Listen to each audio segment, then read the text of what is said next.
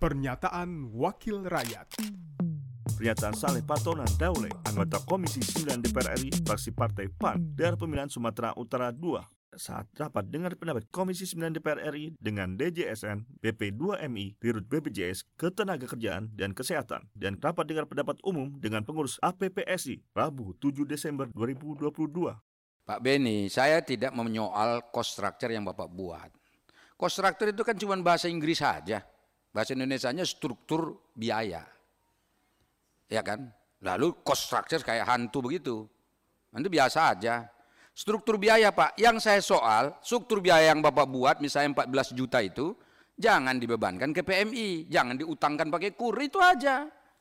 Kalau misalnya ada yang membiayai struktur itu, struktur biaya itu misalnya ada katakanlah tadi pemberi kerja, dia yang tanggung. Monggo, tapi jangan ke seakan-akan nanti PMI-nya yang utang.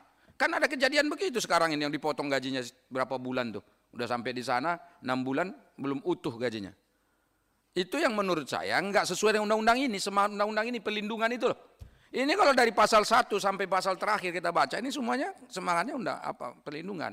Jadi sekali lagi Pak Beni, jangan jangan diputar balikkan bahwa saya tidak setuju dengan kontraktor. Bapak buat aja kontraktor itu nggak apa-apa ya kan? Yang sesuai dengan ketentuan aturan ini. Tapi biayanya jangan dibebankan ke PMI-nya.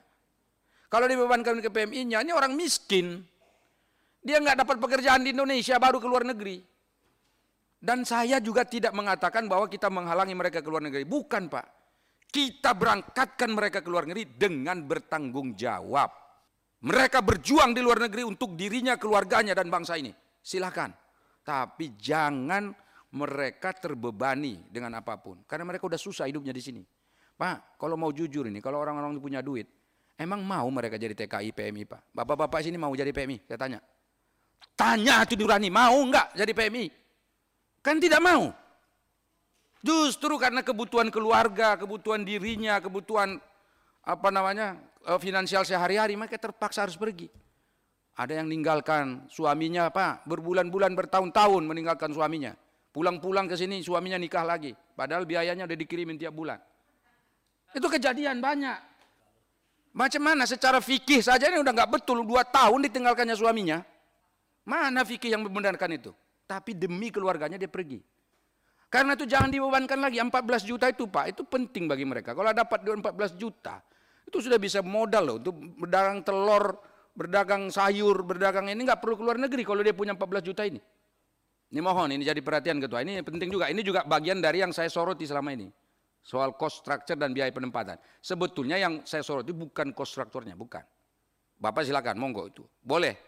Tapi jangan sampai aturan soal cost structure-nya itu dibebankan ke PMI-nya. Itu yang harus kita mainkan Pak Beni.